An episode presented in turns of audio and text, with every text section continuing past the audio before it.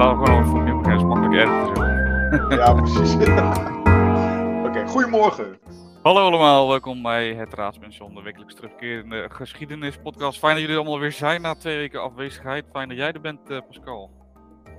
Ja, ja, mooi dat ik er weer mag zijn. Hè. Ik heb geen twee weken vakantie gehad, maar eh, toch wel fris en fruitig eh, aan de podcast. Ja, mooi. Ja, mooi. Ik heb er zin in. Ook eh, wat leuke, of we hebben een leuk onderwerp en dat is eigenlijk van, ehm beetje geïnspireerd vanuit het boek wat ik nu aan het lezen ben, van Rutger eh, Brechtman, eh, Alle mensen deugen. Heb je dat boek gelezen? Ja, ik heb het boek gelezen, ja. Ja, ja.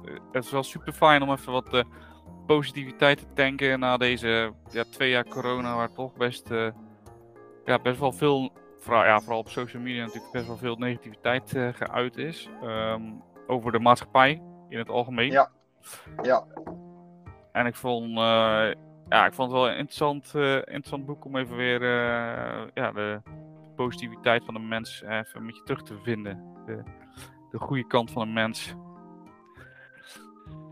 te, te Toch, ja. herontdekken of te, Te ontdekken. herontdekken. Ja, te herontdekken. nou ja, weet je. ja, het is toch interessant om. zeker, een er staan ook een aantal interessante hoofdstukken in over bepaalde psychologische. Eh, hoe noem je die dingen? Psychologische testen, psychologische proeven. Die best Ja. wel beroemd zijn, hè? zoals die elektrische schokproef en eh, eh, Prison Experiment, de Stanford Prison. Ja, van Zimbardo. ja, dus dat zijn wel interessante dingen om dan te lezen dat het eigenlijk geen reet van klopt. Eh, maar die dingen die zijn wel collectief eh, in ons bewustzijn als waarheid ja, gegraveerd of zo. Ik weet niet hoe dat komt. Maar het schijnt dus helemaal niet te kloppen. Nou ja, niet hele, nou ja, niet helemaal te kloppen, niet helemaal te kloppen. Dat is natuurlijk ook. eh, eh, kijk, wat mij in ieder geval opviel is dat het. eh, is een beetje beïnvloed. Ja, En, en- waar dus de menselijke factor gaat beïnvloeden, daar ja, dan, dan is eigenlijk ook de uitslag van die hele test niet meer. ja, eigenlijk niet meer valide. Ja, maar ja, dat komt omdat je, je zoekt dus naar een verklaring. En volgens mij, ja, dat gaan we er nu al wat dieper op in, maar volgens mij was dat ook in de jaren 50 en 60 om een verklaring te zoeken naar al dat eh, verschrikkelijke geweld uit de Tweede Wereldoorlog. ja precies. Dacht ik Ja. zo. En, Ja, dat speelde toen heel erg. En toen was ook die, eh, ja, die, eh, dat kopstuk van, van de nazi's, Eichmann, werd volgens mij ook berecht. En er was ook eigenlijk de vraag van hoe kon het dan dat hij zulke dingen deed? Want hij was eigenlijk een hele normale man. Terwijl dat, ja, het- je denkt natuurlijk van, als je zulke gekke dingen doet, dan, dan moet je toch, ja, moet er toch iets mis zijn in je hoofd dat je dat doet, zeg maar. Je, de jodenvervolging, dat je dat uh, orgest, hoe zeg je dat? orchestreerd, Ja, georchestreerd orchestreerd. heb. Ja. Maar het bleek Lekker gewoon een hele... Ja, kutwoord eigenlijk, zo morgens vroeg, maar goed. Maar het bleek ook eh, gewoon een normale man te zijn. Dus eh, ja, aan de hand daarvan gingen mensen toch een soort van verklaringen zoeken van hoe kan het dan toch zijn dat we in staat zijn geweest om zoveel miljoenen Joden te vergassen eh, en vermoorden. En ja, dus dat... Ja, eh, dat, nou ja, meer, meer het eigenlijk. Kijk, het meest eh, ontluisterende hierin is, is dat het eigenlijk gewoon normale mensen kunnen zijn. Maar ook normale mensen die gewoon ook lief kunnen hebben en ook een normaal sociaal leven kunnen hebben. En dat is het meest, het meest verontrustende, dat gewoon normale mensen zoals jij en ik eigenlijk tot dat soort dingen in staat kunnen zijn. ja, precies. Ja, zit, zit, dus, zit er dus al altijd kwaad in de mens? Dat is een, denk ik wel een hele existentiële vraag. ja, precies. Ja, dat is de vraag die hij van mij ook wel een beetje probeert te beantwoorden in zijn boek. Ehm, dus ik ga het niet spoileren, maar de titel zegt denk ik genoeg. dus ehm, ik zou het echt, eh, als je, als je iets positiefs wil hebben in je leven, eh, want je denkt dat heel de wereld tegen je is, dan eh, is dit misschien een interessant, interessante leestip, zeg maar, die- dat boek. Nou ja, eh, ik wil het niet gelijk in een negatieve sfeer eh, brengen. Oh ik ga het toch doen. Nou ja, dat is dus de manier waarop we dus wel eh, denken. En dat we dus dat, dat dus er wel een eigenlijk een soort van wantrouwen, natuurlijk wantrouwen wordt gecreëerd naar andere mensen toe.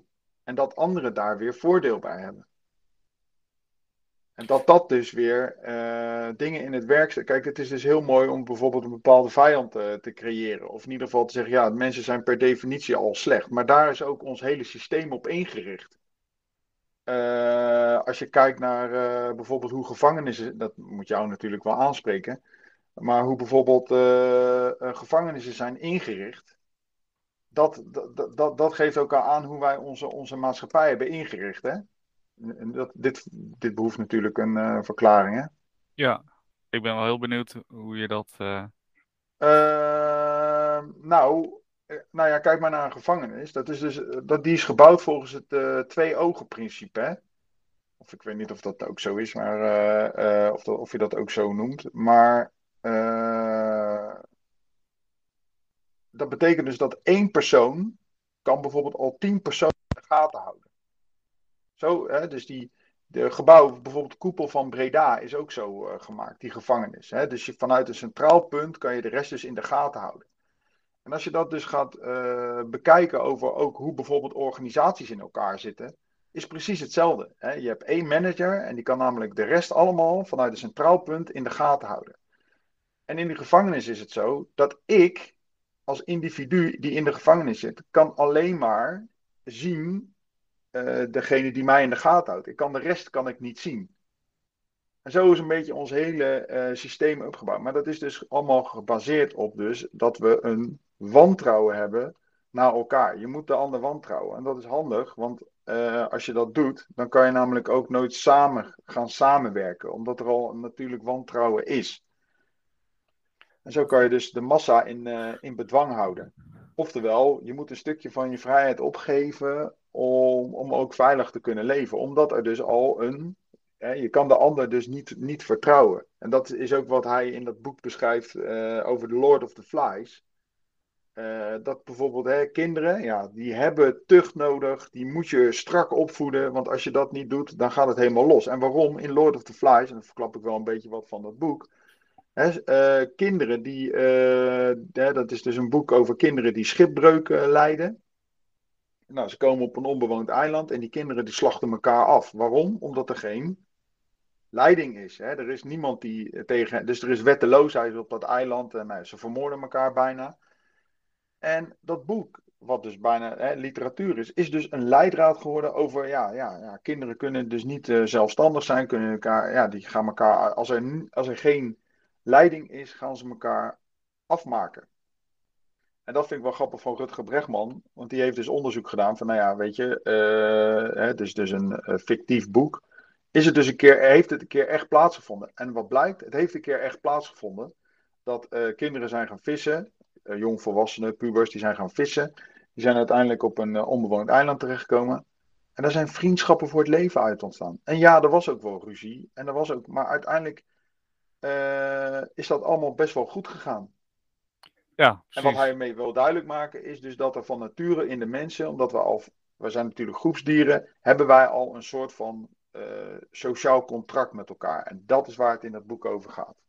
Dus, ja. dus dat je van de, ja. Dat is, toch dat is toch positief? Dus dat betekent eigenlijk dat. Uh, ik moet wel eerlijk zeggen, dat beeld dat jij nu schept van. Uh, in de gevangenis, oké. Okay, Eén iemand die houdt tien in de gaten, dat, dat klopt. Maar ik moet zeggen, ik voel dat niet in mijn organisatie terug. Dus ik weet niet uh, hoe jouw organisatie in elkaar steekt, maar... Uh, ik, ik nee, die zit ook niet zo in elkaar. Maar nee. die heeft wel zo in elkaar gezeten. Dus je ziet wel dat er een, uh, een verandering plaatsvindt in hoe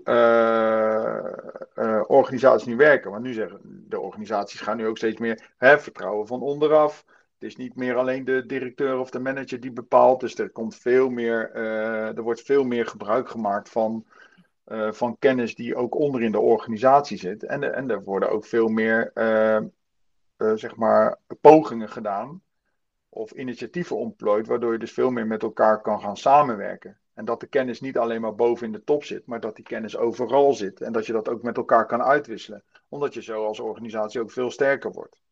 Ja, dus die verandering is wel, maar moet je kijken als dat boek. dat, dat is ook pas sinds de, nou ja, denk ik, de laatste twintig jaar of zo. Ja, en ik weet zeker dat er nu nog steeds organisaties zijn die nog steeds op zo'n oude manier werken. Jawel, dus Waar, die zeggen niet van, nee, dat doen we omdat we elkaar niet vertrouwen. Maar uiteindelijk zit wel zo'n hele grondgedachte zit daar natuurlijk wel in. Ja, omdat je bang bent jouw, ja, jouw, jouw, jouw kennis en je kracht en je macht, om die te verliezen. En zo zijn dus organisaties wel gebouwd. En we zitten nu pas in een transitiefase waarin we dus dat wel aan het veranderen zijn. En zulke boeken zoals Rutger Brechtman, ja, die helpen daar wel, dragen daar wel aan bij. Ja. Ja, maar ja, cultuur is niet in een jaar uh, veranderd. Nee, nee, nee. Het is een lang proces uh, wat uh, moet veranderen. Um, maar goed, ik, ik zie het iets rooskleuriger in. Tenminste, ik krijg een beetje een negatieve vibe van jouw kant. Maar misschien is dat niet helemaal terecht. nee. Nee, nee, ja, ik, nee, ja goed.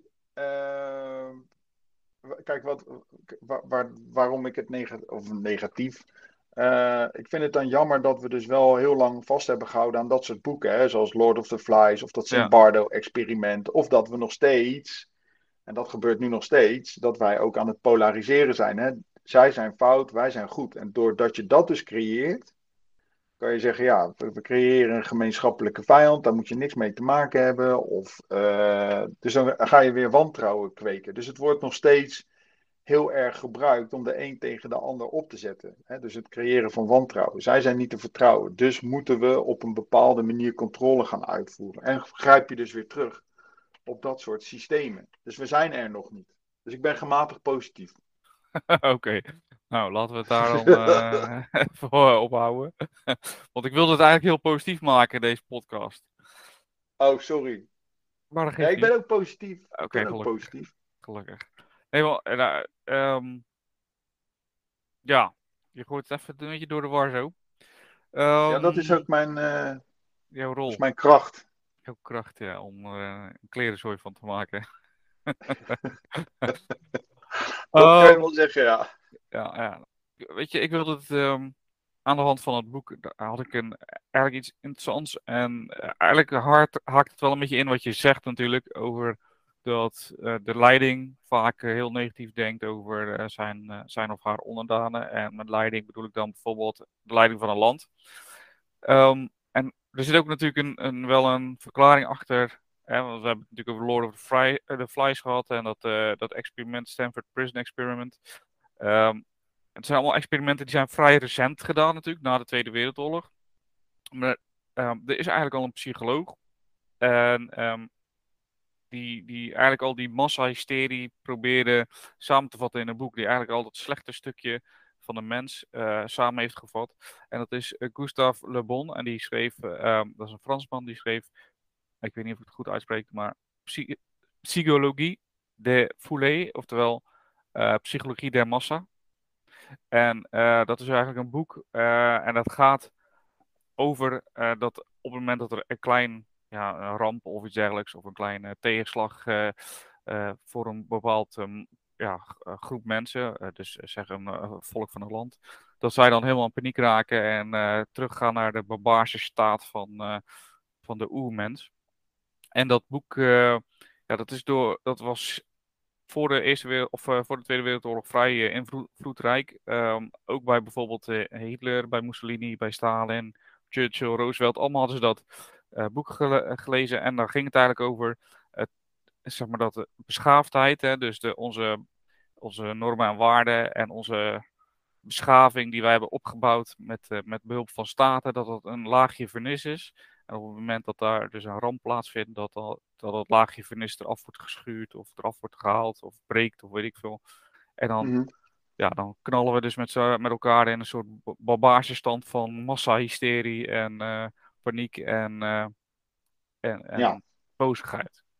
Dus dat is eigenlijk een beetje wat jij net ook schetst, hè, van um, ja, dat wantrouwen in elkaar. Dat wordt ook gezien, ja, zo wordt dat misschien ook gezien door de leiders van uh, bijvoorbeeld een land of van uh, misschien ook wel sommige bedrijven.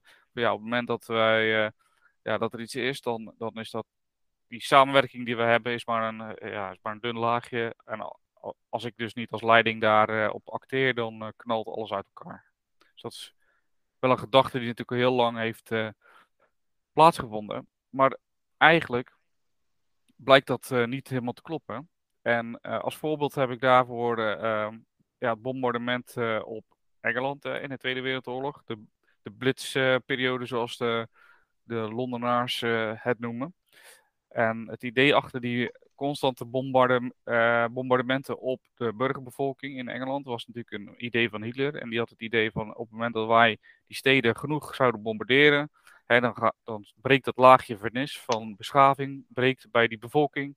En dan gaan de Engelsen, ja, die flippen dan. En dan moet het leger ingezet worden om de massa's te bedwingen eigenlijk. Dus het leger kan niet meer vechten. Dat is lam geslagen omdat ze bezig zijn om maar ervoor te zorgen dat de burgers elkaar niet uitmoorden. En dan kunnen wij als Duitsland met onze legers aankomen en wij veroveren even dat eiland. Dat was eigenlijk het idee van, uh, van Hitler achter die ja, bombardementen op de steden van, van uh, Engeland. Nou, dan zie je ook dat op uh, 19 oktober 1939 Hitler eigenlijk die Luftwaffe beveelt van jullie gaan nu dat verzet breken in Engeland. Jullie gaan die, jullie gaan die steden bombarderen. Uh, jullie gaan ervoor zorgen dat uh, die massahysterie gaat uitbreken zoals uh, voorspeld is in dat boek van Gustave Le Bon. Nou, in eerste instantie Londen en, andere grote steden die zien het wel een beetje aankomen. Dus die gaan tunnels bouwen. Um, maar goed, ze denken van ja, als we nu tunnels gaan bouwen, uh, en mensen gaan daarin zitten. Ja, die blijven daarin zitten tot dadelijk. Hè. Die durven niet meer boven te komen vanwege al die bommenwerpers. Dus eigenlijk is dat uh, misschien niet zo'n goed idee om ja, allemaal echt die tunnels te maken en af te maken. Want ja, we willen graag dat die mensen gewoon in de stad blijven en productief blijven, zodat uh, de war effort aan de gang kan blijven. Wat ze wel doen is noodhospitalen buiten de stad zetten om eventueel slachtoffers op te vangen dus we hebben een aantal van die noodhospitalen, uh, ook met psychologen daarbij. Uh, in de, ja, eigenlijk met als idee, op het moment dat die bommen gaan vallen, dan gaan die mensen vluchten uit de stad. En dan willen we ze graag uh, opvangen in die, ja, in die noodhospitalen. En dan gaan we ja, psychologische hulp bieden en kijken, ja, wat is nou het effect van die bombardementen. En dan zie je dat op 17 september 1940 zo'n 348 Duitse bommenwerpers komen. En die gaan Londen plat bombarderen. En om uh, ongeveer kwart over vier ja, gaan de, de luchtalarmen gaan af. Uh, met je, ja, we kennen het beeld nu natuurlijk van bijvoorbeeld uh, Oekraïne. Daar zien we, hebben we het ook gezien op het nieuws van de luchtalarmen. Dus misschien kunnen we een, soort van idee bij hebben hoe dat, dat dan voelt. Natuurlijk niet als, als je er echt woont. Dat, dat, dat, dat, idee ken je pas als je, daar, als je dat echt meemaakt, denk ik. Ik weet niet of jij het mee hebt gemaakt in jouw tijd. Uh, nou ja, nou ja, goed. In uh, Afghanistan uh, heb ik wel een keer moeten duiken, omdat ja, dat is niet in vergelijking met wat daar gebeurt hoor. Maar ja, die Taliban die schoot dan met 107 mm raketten. Dat zijn ook Russische, Russische raketjes. Die normaal gesproken in, een, in zo'n hele grote cassette zitten en dan met, met een stuk of 20, 25 tegelijkertijd worden verschoten. En dat de Taliban deed dat dan met één per stuk. Uh, ja, goed, je moet er ook niet uh, dicht in de buurt komen, want zo'n ding is natuurlijk best gevaarlijk. Maar uh, ja, ik liep een keer uit de eten, of eh, uit ik had net naar huis gebeld en ik liep uit de container en toen zeilde er eentje vlak over mijn hoofd. ja, vlak. Ja, die kwam wel echt dichtbij en die sloeg in in de, in de bevoorradingstent. ja, dat was eigenlijk een beetje de, dat is mijn ervaring met, met vijandelijke artillerie. Ja, maar er geen uh, luchtalarm of zo? Op dat moment? Ja, dat komt dan daarna. Hè. Dan uh, denken ze dat er nog wel meerdere komen. Uh, ja, dan, dan gaat dat luchtalarm af. Maar ja, dan moet je gaan schuilen. we hebben het ook een keer gehad in Kandahar. Toen gingen we, waren we net op het punt om naar huis te gaan. Dan heb je in Kandahar een heel groot kamp, Kandahar Elfiep. En ja, wij liepen daar als Jan Kaas, als de Nederlandse militair, liepen we daar gezellig over die basis. En toen hoorden we ook de inslagen. En ja, toen ging ook dat luchtalarm af. En dan uh, moet je allemaal gaan, uh, gaan schuilen. Maar we hadden heel erg zin om naar de Burger King te gaan. En uh, dus liepen we maar gewoon door en gingen we niet schuilen. En toen kwam de Amerikaanse militaire politie kwam eraan. En ja, die scholde ons helemaal verrot. En terecht ook. Want ja, we, moesten natuurlijk gaan schuilen. Omdat dat kamp, ja, dat werd gewoon dagelijks aangevallen door inderdaad door, door die 107 mm raketten. En het was ook een beetje stom van ons om maar gewoon uh, door te gaan lopen om bij de McDonald's of uh, bij de Burger King een, uh, een hamburger te gaan halen. Maar goed, wij hadden natuurlijk vijf maanden lang op zo'n kampje ergens ver in de bergen gezeten.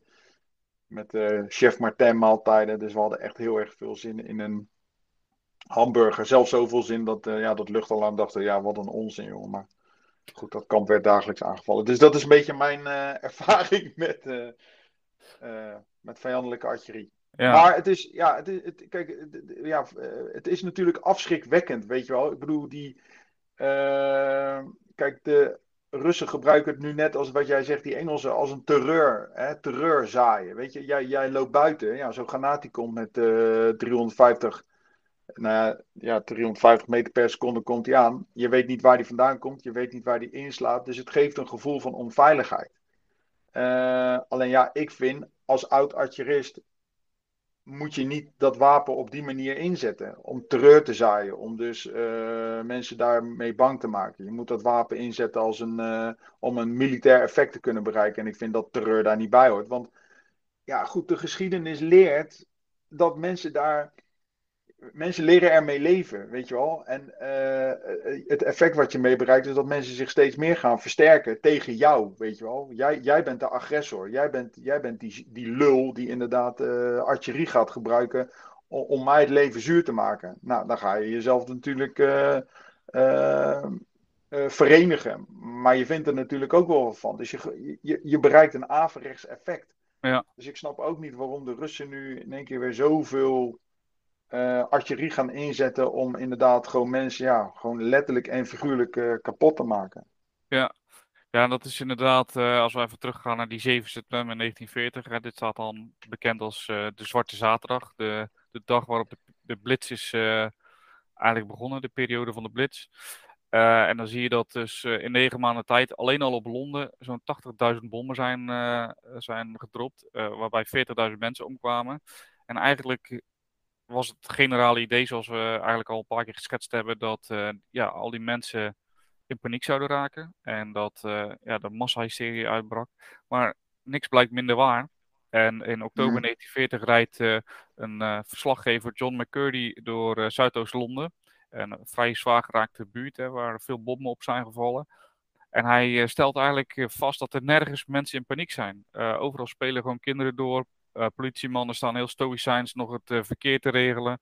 Um, en, en die mentaliteit die, uh, komt een beetje als de stiff upper lip van de Britten bekend te staan. en er werden zelfs grappen gemaakt. Hè. Je hebt een café wat kapotgeschoten was en er stond, werd het bord buiten gezet more open than usual. Hè, meer open dan normaal. en ook werd vastgesteld dat de schade aan de economie eigenlijk niet zoveel voorstelde. De, eh, eigenlijk uh, bleef de productie bleef hetzelfde, soms zelfs meer. Dus eigenlijk was het hele effect van die terreurbombardementen, wat jij net ook zegt, ja, die, die was er niet. Die, die Britten die, die, door, die doorliepen dat gewoon. Um, en daarbij kwam ook, hè, wat jij zegt, die gewenning. Ook daar zijn ja, interviews geweest met mensen in die tijd. Hè, van joh, eh, weet je, eh, waarom uh, ga je niet schuilen op het moment dat het luchtalarm afgaat? Ja, ja. We, zijn, we zijn het gewend. Hè, ja, oké, okay, er valt een beetje een bom. En ja, hè, ook over het weer, waar wij natuurlijk altijd zeggen van wat een kut weer. Zeiden zij van ja, ja, het was vandaag wel heel erg blitzy. Hè, dus dat betekende dan dat er veel bommen waren gevallen. Weet je. Op die manier ja, begonnen mensen dat te relativeren. En dat um, zagen die, die militaire leiders natuurlijk ook in, uh, in Engeland. En die dachten, ja, weet je, uh, op een gegeven moment was die, die blitz was voorbij. Hè? De, de Luftwaffe was verslagen. De, de Battle for Britain in de lucht, ja, die was beslecht in het, in positieve voordeel van, van de Engelsen. En ook die Engelsen die hadden een grote vloot met bommenwerpers. En die dachten, ja, hoe gaan wij die dan inzetten? Gaan we die militair inzetten? Of gaan we ja, eigenlijk terug doen. Hè? Een beetje kinderlijke, kinderlijke reactie misschien. Van ja, als zij ons bombarderen, dan bombarderen wij hun. En er was één, uh, één man, uh, en dat was best wel een, ja, zeg maar de rechterhand, nou niet de rechterhand van Churchill, maar wel een goede vriend van Churchill. En die geloofde niet dat die Duitsers net zoveel, net zoveel veerkracht hadden als die Britten. Die Britten dachten van nou, wij zijn uh, toch een soort van superieur, wij kunnen dat aan, wij zijn uh, badass motherfuckers, om het zo maar te zeggen. En die Duitsers, dat zijn gewoon watjes. En uh, op het moment dat wij ze gaan bombarderen, ja, dan, uh, ja, dan breekt die massahysterie uit. En die man was uh, Frederik Lindeman. Hij was dan, zoals ik al zei, een vriend van Churchill. En die liet ook echt onderzoek doen naar, die, ehm, ja, naar het moraal. Hè, van hoe was het moraal nou van die Britse burger aangetast? Hadden die bombardementen nou echt effect? Nou ja, je raadt het al, nee. Ze hadden geen effect. Nee. Sterker nog, het was tegenovergestelde. Het moraal werd steeds beter en er kwam steeds meer vechtlust. En nou, hij krijgt dat rapport op zijn bureau van onderzoek gedaan en niks aan de hand. En hij schrijft dat rapport zo naar de zijkant, flikkert in een prullenbak. Hij, zegt, hij loopt naar Churchill en hij zegt: Ja, het heeft heel veel effect, dus we moeten het zelf ook gaan doen. Het is eigenlijk precies het tegenovergestelde van wat dat rapport zei, uh, rapporteerde hij aan, aan Churchill. Um, wetenschappers die overigens in die tijd waarschuwden van ja, dat kan niet, joh. Weet je, er, er, komt geen massa-hysterie. Wat je zegt klopt niet. Die werden neergezet als landverraders. Dus ja, moest en zou die vloot die bommenwerpers moesten en zo die, uh, die Duitse steden gaan bombarderen. En uiteindelijk zie je ook dat de helft van de Duitse steden uiteindelijk verwoest is hè, met bombardementen. Uh, we weten allemaal het bombardement op Dresden, waarbij in één nacht net zoveel uh, mannen, vrouwen en kinderen stierven als in heel Londen tijdens de, de hele blitzperiode. Hè. Dus die negen maanden met 80.000 bommen en 40.000 doden, dat gebeurde in één nacht in Dresden. Um, ik weet niet hoe jij dat ziet, maar uh, volgens mij is dat nou, wel... ik zie dat gewoon als een oorlogsmisdaad. Ja, precies. Ja, dat wilde ik net uh, zeggen, ja. ja. dat wordt steeds, uh, die, die roep wordt steeds groter, hè, door bepaalde soort munitie te gebruiken in, met bepaalde weer, weersomstandigheden ontstond er een grote vuurstorm, waardoor ja, mensen gewoon in de schuilkelders of in de bunkers zijn gewoon gesmolten, omdat het zo warm was. Um, ja, en heel Dresden is, het historische Dresden is van de kaart geveegd. Um, er was ook een klein deel van, van de bommenwerpers wel ingezet op militaire en strategische doelen. Um, maar goed, ja, op een of andere reden was toch het bombarderen... En waarom hebben ze dan nooit die concentratiekampen gebombardeerd? Ja. Hè? Terwijl ze al wisten dat die er waren. Ja. ja. Maar dat is gewoon, ja, uh, oog om oog, tand om tand. Oh, ja. jullie doen dat bij ons? Nou, dan doen wij het lekker terug. Maar daar is nog ook wel een interessant uh, boek over geschreven hoor. Uh, ik kan hem je aanraden, maar je moet hem niet tijdens je vakantie gaan lezen. Oh. Want dan, dan word je helemaal, dan word ja, je toch een beetje het negatieve zagrijnige wat erin zit. Maar over dat, dus, dat gebruik van geweld, hè, en waarom uh, ja, nu rechtvaardigen we het, omdat dan de Engelsen en de Amerikanen en de Canadezen waren dan, uh, hè, dat waren dan de goeie, hè, die kwamen ons bevrijden.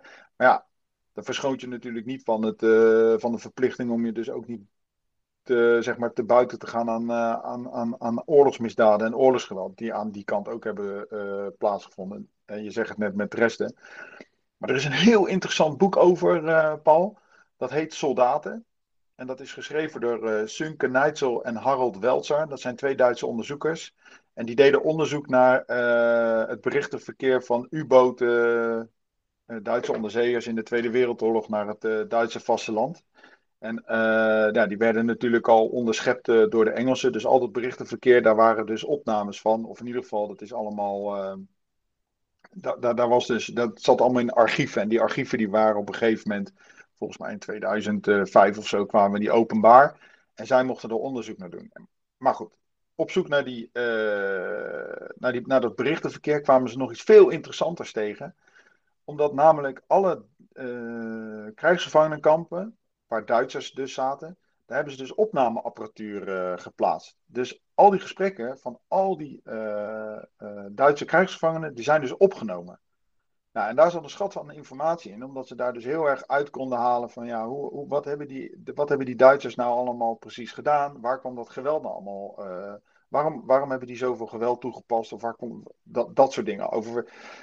de meest basale uh, dingen, uh, daar werd over gesproken. En daar hebben ze dus een boek over gemaakt. En een van die onderwerpen die erin zitten gaat dus ook over autotelisch geweld.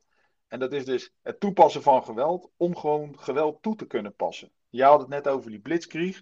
Nou, dan zijn er uh, Duitse jachtvliegers. Ja, en die vertellen dus ook over het feit dat ze dus, uh, nou ja, dan vliegen ze boven Engeland en dan hebben ze hun bommetjes gedropt. Ze hebben nog bommen over en ze hebben nog munitie over. En dat ze dan gewoon ja, burgers aangrijpen. Of gewoon, ze zien een verlaten auto op de weg rijden en gewoon aangrijpen en neerschieten. Terwijl je weet dat het burgers zijn. En dus in die gesprekken komt dus naar voren waarom passen, de, waarom passen dus mensen dus dat geweld dus ook gewoon toe. ja, eigenlijk ja, gewoon omdat het kan. Dus gewoon normale jachtvlieger, niks aan de hand, maar toch uh, geweld toepassen op, op, op burgers. Terwijl je eigenlijk weet dat dat niet kan. Maar ja, je doet het gewoon omdat het eigenlijk, ja, voor jezelf kan het dus wel.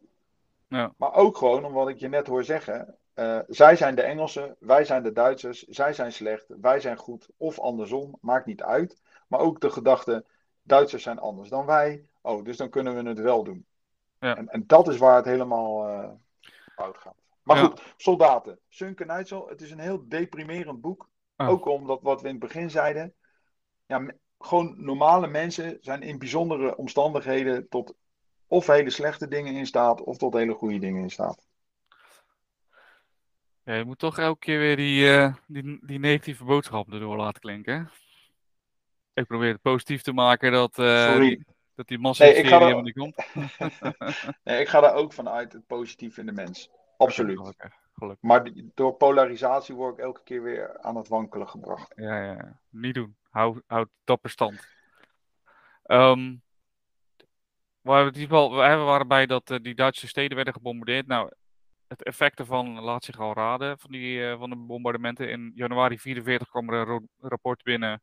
Hoe meer bommen, hoe beter. Maar dat, wat er daadwerkelijk gebeurde, eh, ja, dat werd in mei en juni, of eh, mei en juli 1945 ontdekt door een, door dokter Friedrich Pansen. En die heel veel Duitsers in hun huizen bezocht. Of, of ze nou kapot geschoten waren of niet. die bezocht die mensen. En die ging eigenlijk ja, interviewen. Kijken wat er nou wat was er nou gebeurd. Wat, wat vonden die mensen van eh, al die bommen. En eigenlijk zag je hetzelfde als in Engeland. Hè. Ehm, eh, het gevoel dat als je een bombardement had overleefd. Dat, dat, een, eh, dat was elke keer voelde dat als een overwinning. En er was ook zelfs een Duitse man die zei: Ja, achteraf na zo'n bombardement. dan barstte ik gewoon van de energie. en stak ik een sigaar op en ging ik weer aan de slag. En uiteindelijk blijkt dat dat. ehm, eh, blijkt dat, wordt dat ook bevestigd door Amerikaanse psychologen. Die hebben ook dat, eh, dat hele fenomeen van bombarderen van steden onderzocht. En wat blijkt, die Duitse oorlogseconomie, die blijkt juist eh, beter te zijn gaan lopen dankzij die bombardementen. Eh, dus uiteindelijk is zelfs de conclusie dat ja, het, het dusdanige misrekening was dat die bombardementen de oorlog eerder zouden beëindigen. Dat ze eerder de oorlog hebben verlengd, omdat de Duitsers gewoon meer gingen produceren dan dat ze het verkort hebben. Eh, en even in, eh, in, in eh, cijfers, om in cijfers te spreken, zie je dat de productie van tanks met een factor 9 eh, groter werd. Zo. En gevechtsvliegtuigen zelfs met een factor 14. Er werden dus 14 keer zoveel gevechtsvliegtuigen gebouwd, en 9 keer zoveel tanks geproduceerd, dankzij die bombardementen. Ehm, en het gekke is toch dat die, dat, dat terreurbombardement wat jij nu zegt, hè, wat, eh, wat Rusland nu op eh, Oekraïne aan het eh, uitoefenen is, dat ook de Amerikanen gewoon diezelfde fout maakten in bijvoorbeeld Vietnam 25 jaar later, waarbij ze drie keer zoveel bommen op Viet- Vietnam gooien als ze ooit op Duitsland hadden gegooid. En ook daar, ja, het psychologische effect is juist het tegenovergestelde van wat je denkt te bereiken. En enerzijds is dat natuurlijk een soort van. eh, ehm, ja, eigenlijk het positieve wat ik eruit haalde is eigenlijk meer dat dat laagje vernis van, eh, van, eh, eh, van de beschaving die in eerste instantie beschreven werd door, hè, door die Gustave Le Bon, dat dat eigenlijk niet klopt dat het een laagje vernis is, maar dat, juist, dat het juist de onderlaag is die, waarin mensen gewoon eh, tegen tegenslagen kunnen. En op het moment dat er tegenslagen zijn, dat mensen elkaar gaan helpen. Er zijn zelfs Londenaren die later zeiden, ja, we eigenlijk eh, verlang ik een beetje terug naar die periode van de Blitz, omdat mensen elkaar gewoon hielpen. En ongeacht wat je, eh, ja, of je nou links of rechts was, arm of rijk, iedereen hielp elkaar. En ja, dat is natuurlijk wel interessant. Ja, oftewel het creëren van een gemeenschappelijke vijand eh, verbindt elkaar. Ja, verbinding. Of het hebben van een vijand. Ik bedoel, die was al eh, wezenlijk aanwezig. Maar ja, dat is wat. eh, ja, ik denk dat het nu ook gewoon weer in eh, Rusland gebeurt. Maar ik snap ook gewoon niet waar dat dus vandaan. Dus als er zoveel onderzoeken blijkt dat, eh, dat dit allemaal averechts werkt, dat dit niet werkt, dat je dus door middel van die onderwerping eigenlijk het averechts eh bereikt, hè, het averecht, nou, zeg, Ja, ja, tegenovergestelde Dat je- bereikt. averechts effect bereikt. Ja. Waarom doen we dit dan nog steeds? Waarom doet, waarom doet Rusland het dan nog steeds? Ik snap dat dan gewoon niet. Ik bedoel, Nee. zit het er dan zo hard ingebakken? Of is het dan gewoon echt. Wij, zijn, eh, wij hebben de langste piemel en eh, wij kunnen het meeste geweld gebruiken. En eh, wij zullen je dus ook door middel van geweld eh, zullen we jou eh, neerslaan. Is dat het? Is, dat, is het zo simpel? Misschien een combinatie hè, van eh, niet weten of misschien niet willen weten. Ik bedoel, ehm, er is natuurlijk niks eh, bevredigender dan als jij net eh, negen maanden gebombardeerd bent, om dan vervolgens maar de tegenstander gewoon negen maanden te bombarderen. Dus misschien is het ook een stukje eh, gevoel van gerechtigheid wat je dan probeert te krijgen, ondanks dat het effect eigenlijk tegenovergestelde is. Dat je dan gewoon blind bent voor dat tegenovergestelde effect. Maar dan denk je, denk je zij, zij moeten net zo lijden als dat wij moeten lijden. Misschien is dat het. Ja, nou ja, volgens mij eh, staat er ook al. eh, we zijn er toch ook al een tijdje achter dat dat ook niet, eh, niet werkt. Nee. Dat, dat, dat het wraak nemen, dat dat echt niet. ja, je zou het wel willen, maar die hele primaire gedachte van het nemen van wraak. je echt geen beter gevoel gaat geven. Daar zijn we nu toch ook wel een beetje achter. Of, Er zijn genoeg Marvel-films over gemaakt, toch? ja, dat bedoel ik. De Dus- Evan. Ja, hoe heet hij? ja, dat klopt, ja. Ja, toch? Ja, Ja. Ja, zeker. Maar ja, ik, ik geloof niet dat je er. eh, Ik kan me wel voorstellen, ik kan me heel goed voorstellen, maar het heeft geen, het heeft geen zin. Nee. Het, eh, Maar goed, ja, daar lossen we daar uiteindelijk niks mee op. Eh, kijk, voorlopig is nog steeds een conflict aan de gang waarin dit soort dingen nog gewoon gebeuren. Dan zie je daar beelden van, van een artillerieaanval. Ja, nou heb ik met mijn kennis wel een beetje verstand. En dan denk ik, ja, waarom? Waarom zet je dit op deze manier eh, in? Hier wordt het echt allemaal, hier wordt het voor beide partijen, er wordt ook voor jezelf niet beter van. Nee, nee, precies. Ehm, ik heb, eh, voor volgende week heb ik een interessant eh, stuk. ehm, en dat gaat over Denemarken tijdens de Tweede Wereldoorlog ook. En eigenlijk is dat ook een positief verhaal over de Jodenvervolging. jeetje. Ik wil Jawel, wat positiviteit, eh Pascal, Lekker hoor. Ja, fijn. ik, je steekt me er wel in aan hoor. Nou, mooi. Volgende week eh, heb ik in ieder geval een interessant verhaal dus over Denemarken en over de Jodenvervolging daar en hoe dat eigenlijk mislukte en wat daarachter zat. En dan kunnen we misschien ook een, eh, ja, misschien kunnen we er wat van leren. Nou, Ehm. dan kan we misschien ook wel gelijk waarom het in Nederland zo goed gelukt is. Die Ja. jodenvervolging. Je pakt toch weer die negativiteit op, hè? Toch weer die... Nou eh, ja, ik vind het wel interessant dat als eh, Denemarken en Nederland eh, zijn eigen lijken in identieke landen met een beetje. maar wa- waarom is het dan in Nederland relatief goed gelukt en waarom is het daar in Denemarken dan eh, eh, ja, eigenlijk mislukt? Of waarom, Ja. waarom is het daar dan, eh, waarom is het, ja, waarom kwam het daar dan niet zo goed van de grond en hier wel? Dat is toch fucking, dat is toch interessant? pak ik het stukje Denemarken, pak jij een stukje Nederland. En dan vergelijken we het met elkaar. Leg het lekker op zijn onderwijskundig, onderwijskundig aanpakken. Ja, ja, dat klinkt goed. Nee, dat is goed, joh. Dat is goed. Ik heb er wel een bepaald idee over. Nou, mooi. Dan eh, gaan we dat eh, volgende week eh, behandelen. Ehm, Oh, dat is interessant. Ja, vind ik ook. Ehm, ik hoop dat jullie dat ook interessant vinden. Ik hoop dat jullie dit verhaal ook interessant vonden deze week weer. Mochten jullie nou vragen of opmerkingen hebben, vergeet ze niet te sturen naar geschiedenis.paulushistoricus.nl of vind mij op eh, een van de social media kanalen, Facebook, eh, TikTok, eh, Snapchat, Instagram, Twitter, YouTube. Alles, alles is mogelijk. Je kan me niet ontlopen eigenlijk, om het zo maar even te zeggen. Dus leuk als jullie reageren. Je moet echt moeite doen om jou niet te zien op socials. Precies, ja. ja, ja. Ik ben gewoon een soort. ja, weet ik niet. Ik plak gewoon aan je scherm. Mooi. Ehm, bedankt voor het luisteren. En uh, nou, Pascal, jij uh, weer succes vandaag. En, ja, jij ook, hè? Ik spreek je weer. En uh, bedankt voor het luisteren en tot de volgende week. Yo, tot volgende week.